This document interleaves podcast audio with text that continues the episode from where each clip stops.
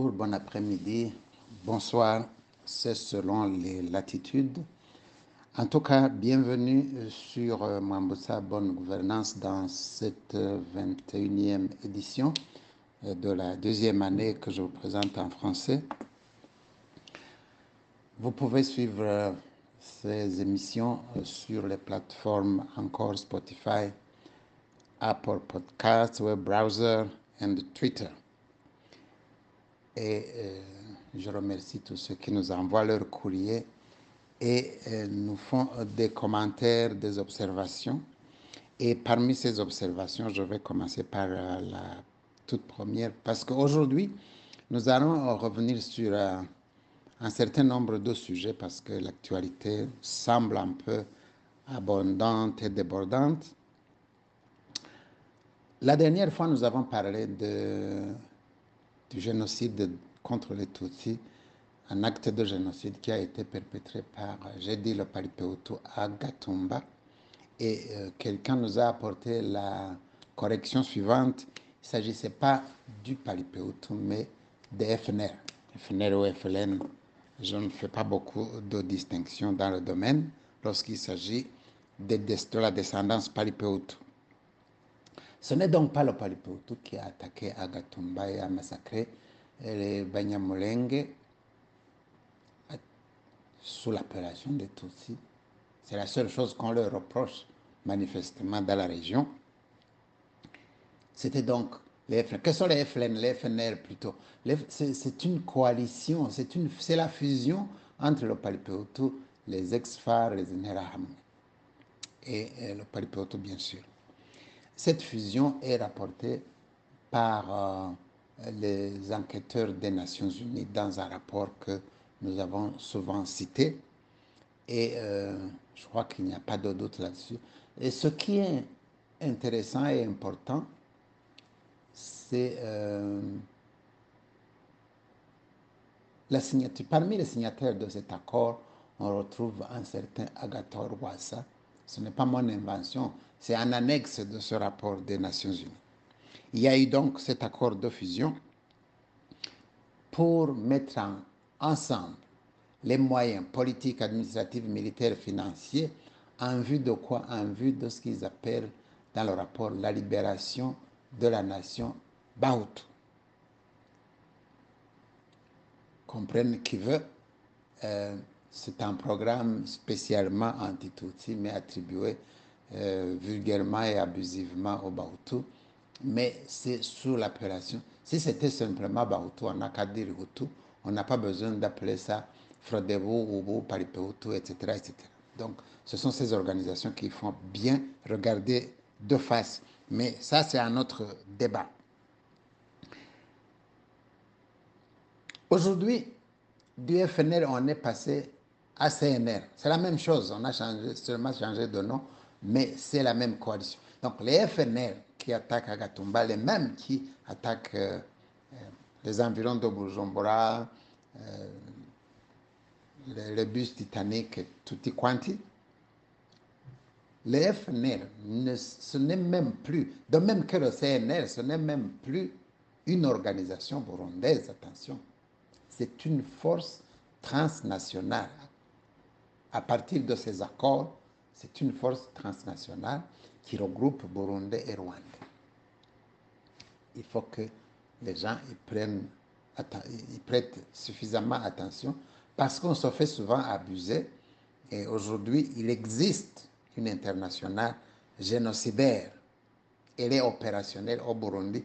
Et au terme de ces accords, il est clairement précisé que le combat doit commencer par le Burundi qui se trouvait être décrit comme étant le ventre mou de la région en vue de l'attaque future du Rwanda dans cette construction, dans cette libération de la nation Bahutu. Le ventre mou à l'époque, c'était quoi? C'était sous la direction de Pierre Bouyoya. Ce n'était pas un ventre mou, c'était plutôt le collaborateur ouvert. Il avait une forte admiration pour euh, le Palipeutu et les organisations de même idéologie, Dieu et son âme. Ça, c'est de un. la correction est faite.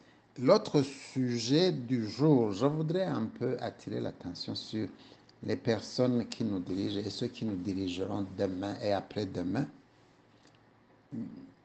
en leur demandant d'être, nous demandons à chacun d'être un peu, d'adopter un peu plus d'humilité dans nos compartiments lorsqu'il s'agit de la gestion des affaires publiques de la nation burundaise en l'occurrence. Aujourd'hui, on annonce que les comptes de l'ancien Premier ministre euh, Alain Guillaume Bunyoni sont pratiquement saisis ou interdits de mouvements bancaires, ce qui est la même chose, ça veut dire qu'ils sont presque pratiquement saisis. Soi-disant, les enquêtes sont en cours. Mais rappelez-vous, s'il y avait quelqu'un que la modestie n'étouffait vraiment pas, c'était Alain Guillaume Bunyoni. On se demande toujours pourquoi, parce que Bunyoni n'a pas grandi pauvre. Logiquement, il devrait avoir une idée assez modeste de ce qu'on appelle l'argent. Mais il allait au-delà de ce qui est admissible. Et je me suis toujours demandé comment il a pu rester si longtemps au sein du gouvernement. Quand on voit un ministre qui met sur sa voiture son nom, Alain Guillaume Bugnoni, sur son véhicule, pendant que les enfants de la République n'ont pas de banc, n'ont pas de pupitre pour leurs écoles, franchement, cette personne ne mérite pas de siéger au Conseil des ministres à côté d'autres Burundais payés par les contribuables. Rappelez-vous de l'insolence d'un certain Rajabou. Rajabou était un président de parti, c'est vrai, un président qui a gagné les élections, mais il n'a pas gagné les élections sous la présidence de Rajabou, c'était sous la présidence de Nkurunziza. Et sous la présidence de Nkurunziza, Pierre, l'autre Pierre, Rajabou, dans son cortège, il mettait des lance-roquettes, des mitrailleuses avant et après son véhicule. C'était un peu trop visible, à mon avis, et je pense que ça traduisait un peu une surdimension de l'ego comme Alain Guillaume Bugnoni. Ça ne leur a pas réussi. Aujourd'hui, nous observons un certain président de la République, on l'appelle Neva pour les intimes, c'est devenu populaire, mais il y a aussi son épouse. Je ne sais pas pour qui ils se prennent, ces gens-là. Je voudrais simplement dire ceci. Soyons un peu modestes, là plus qu'ailleurs, surtout lorsque on est au palais présidentiel. C'est une maison de fonction le président américain Clinton a été persécuté parce que il, y a eu, il, a eu une relation intime avec quelqu'un, avec une dame, une assistante.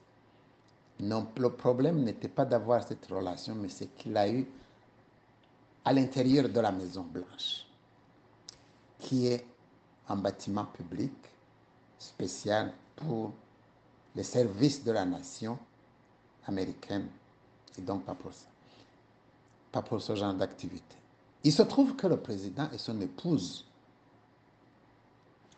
occupent des fonctions publiques, sont logés par la nation, par le peuple burundais, par le contribuable burundais. Ce ne sont donc pas des commerçants, ce ne sont pas des top modèles, ils devraient être un peu plus humbles. Je voudrais rappeler à leur intention.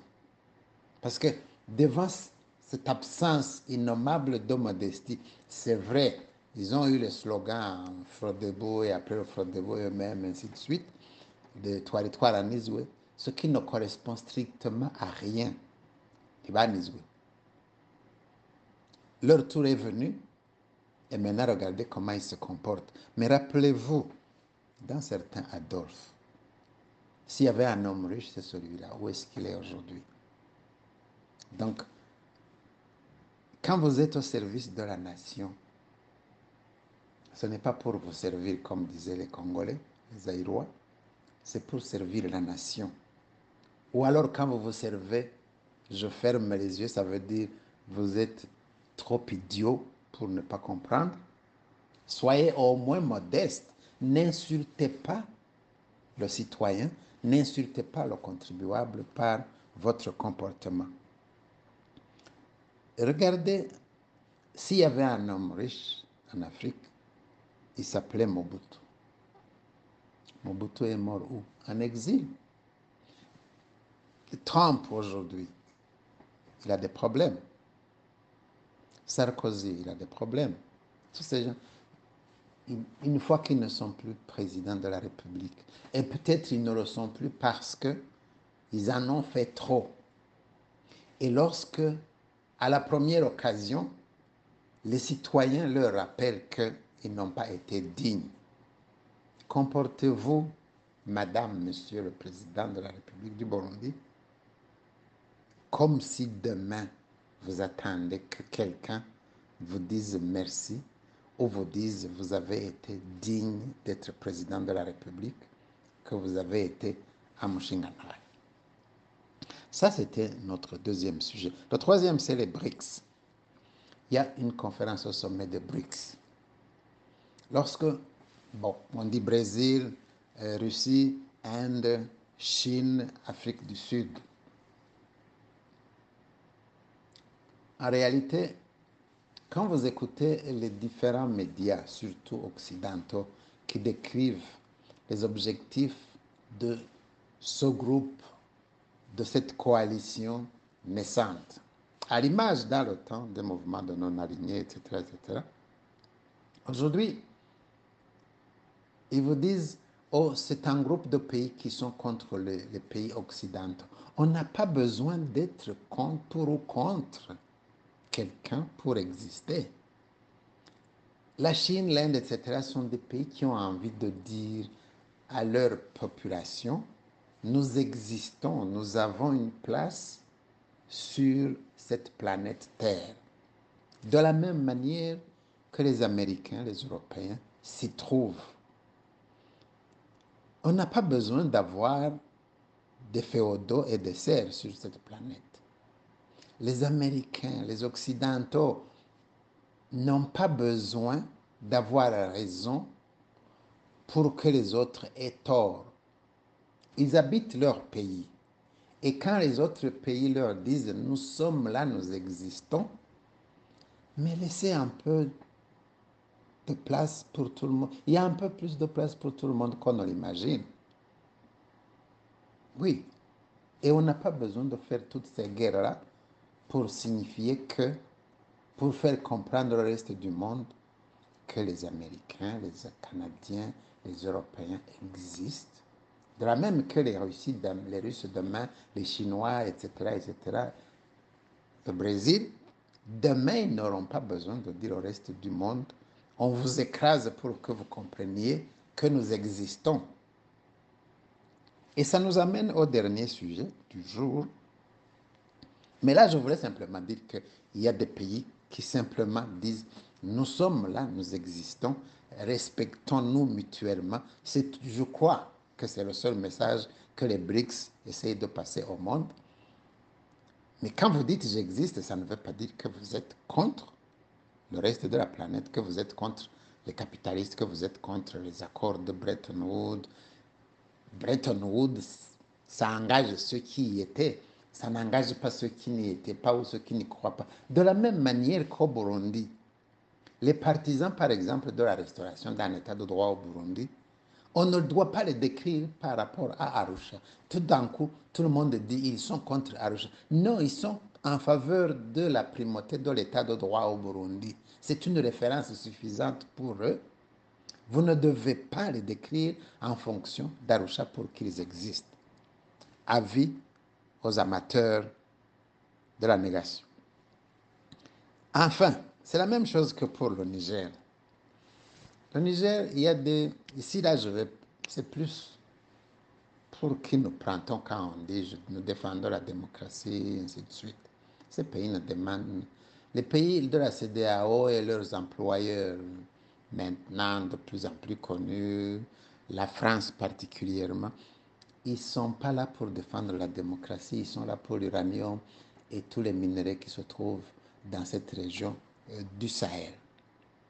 Et quand les Africains, les panafricains, les gens du Sahel vous disent, nous sommes là aussi, nous avons le droit d'exister, mais ayez la modestie de leur prêter attention. Parce que probablement chacun a son tour. Et aujourd'hui, il se fait que ce qu'on appelle la, fin de l'Empire américain, ce n'est pas seulement la fin de l'Empire américain, c'est ou le déclin, c'est plus le déclin de ce qu'on a appelé la civilisation occidentale ou dite chrétienne. Cette civilisation est en berne, comme la civilisation romaine, comme la civilisation grecque, comme les civilisations babyloniennes, égyptiennes, assyriennes, etc., comme les civilisations de Zulu, Chaka, etc., les empires du Monomotapa. Chacun a eu son tour.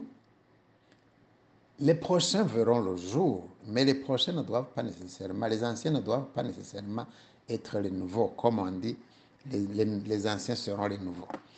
Je voulais vous faire cette réflexion pour que ceux qui nous écoutent aujourd'hui essayent d'avoir une minute pour eux, pour analyser ce qui est en train de se passer autour de nous et de se rappeler demain, quand ils ont un projet de société pour faire avancer le boulot. Ça ne doit pas nécessairement être contre quelqu'un.